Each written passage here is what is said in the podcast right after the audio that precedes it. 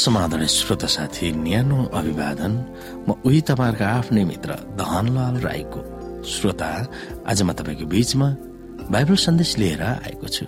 आजको बाइबल सन्देशको शीर्षक रहेको छ उहाँ गोठालो हुनुहुन्छ।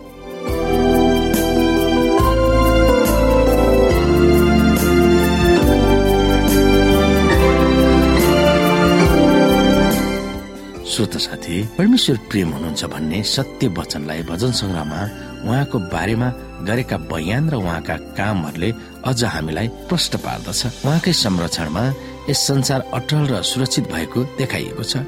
परमेश्वर सृष्टिकर्ता राजाहरूका महाराजा न्यायकर्ता सबैलाई उद्धार वा मुक्ति दिनुहुने र व्यवस्था वा विधिहरू दिने हुने हुनुहुन्छ भनेर पनि भजनका लेखकहरूले उहाँको तारिफ गरेका छन्।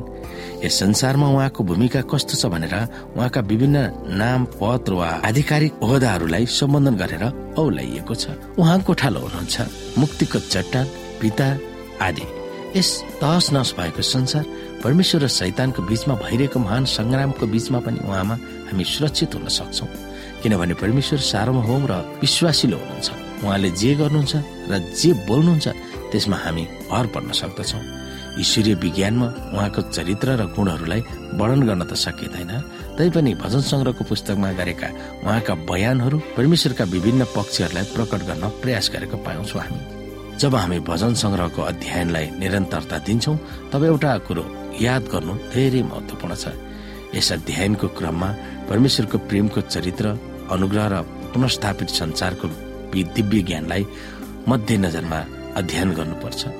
जति हामी क्रुसलाई मध्यनजरमा राखेर परमेश्वरको चरित्रलाई अध्ययन गर्दछौ त्यति हामीले उहाँको दया करुणा कोमलता सहिष्णुता क्षमा समानता र न्यायसँग बुनिएका हामी सिक्दछौ।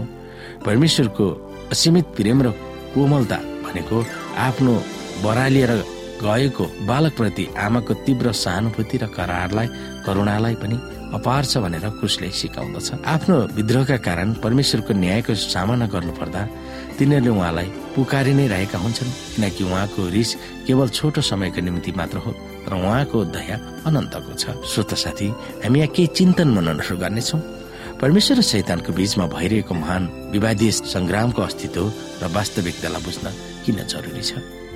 परमेश्वरको प्रभुत्व र सार्वभौमिकताको बावजुद पनि यस संसारमा दुःख कष्ट आतंक पीडा किन भइरहन्छ भनेर परमेश्वर र सैतानको बीचमा भइरहेको संग्रामको आत्मज्ञानले हामीलाई व्याख्या गर्दछ। परमेश्वर र शैतानको बीचमा भइरहेको संग्रामको विषयवस्तु जान्न हाम्रो निम्ति महत्वपूर्ण छ। परमेश्वर नै सृष्टिकर्ता हुनुहुन्छ भन्ने विश्वासले हामी आफ्नै बारेमा र सृष्टिसँगको सम्बन्धको बुझाइलाई हामीलाई असर पार्दछ। जब मानिसहरू सत्यबाट बरालियो भने के हुन्छ? हामी हेर्न सक्छौँ यहाँनिर। परमप्रभुको प्रशंसा गर। परमप्रभुमा धन्यवाद चढाऊ किनकि उहाँ भला हुनुहुन्छ। उहाँको करुणा सधैँभरि रहन्छ। परमप्रभुको पराक्रमी कामहरूको बयान कसले गर्न सक्छ? उहाँको प्रशंसा सम्पूर्ण रूपले कसले घोषणा गर्न सक्छ? तिनीहरू धन्य हुन् जो न्यायमा चल्छन् जो सधैँ सदाचरण गर्दछन्। हे परमप्रभु आफ्नो प्रजामाथि निगाह गर्नुहुँदा मलाई सम्झनुहोस्। तिनीहरूको उद्धार गर्नुहुँदा मलाई पनि सहायता गर्नुहोस् र तपाईँका चुनिएकाहरूको सुख शान्ति देख्न पाऊ। र तपाईँका जातिको हर्षमा सहभागी हुन सक् अनि तपाईँको उत्तराधिकारका मानिसहरूसँग मिली तपाईँको प्रशंसा गर्न सकौँ। हाम्रा पुर्खाहरूले जस्तै हामीले पनि पाप गरेका छौँ। हामीले अपराध गरेका छौँ। हामीले दुष्टै गरेका छौँ। हाम्रा पुर्खाहरूले मिश्र देशमा छँदा तपाईँका आश्चर्य कर्महरूको ख्यालै गरेनन्। तपाईँको प्रशंसा करुणा तिनीहरूले सम्झेनन् र लाल समुद्रको किनारमा तिनीहरूले सर्वोच्च परमेश्वरको विद्रोह गरे। तापनि आफ्नो महापराक्रम प्रकट होस् भनेर उहाँले आफ्नो नाउँको खातिर तिनीहरूलाई बचाउनु भयो। उहाँले लाल समुद्रलाई हप्काउनु भयो र त्यो सुकिहाल्यो।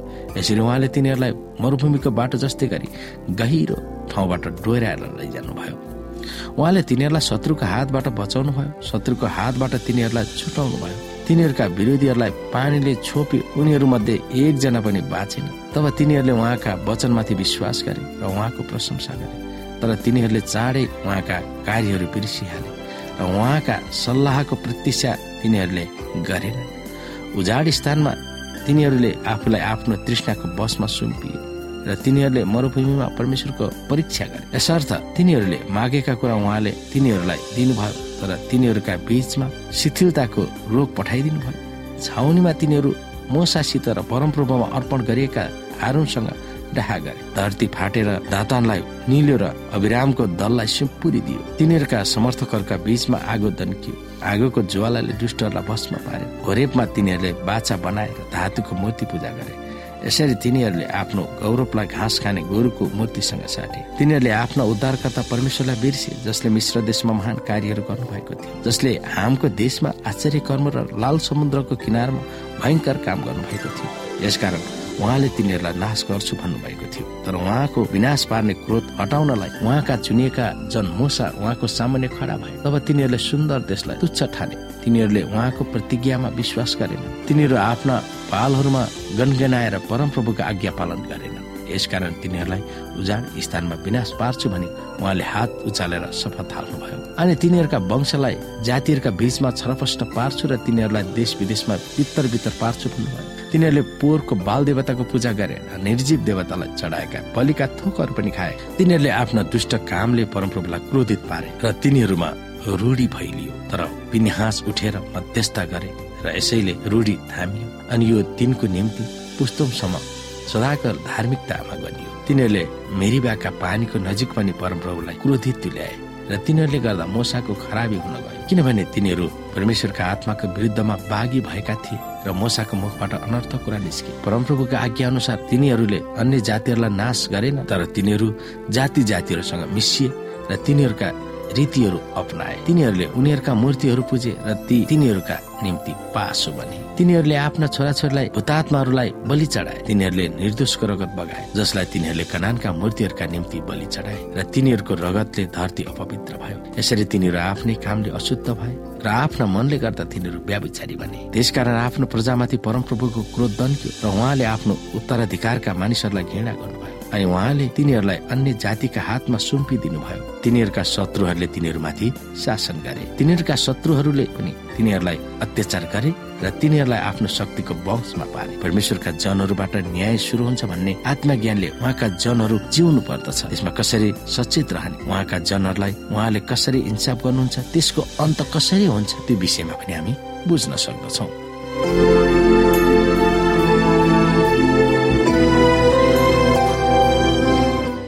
श्रोता साथी आजलाई बाइबल सन्देश यति नै। हस्त नमस्ते जय मसिंह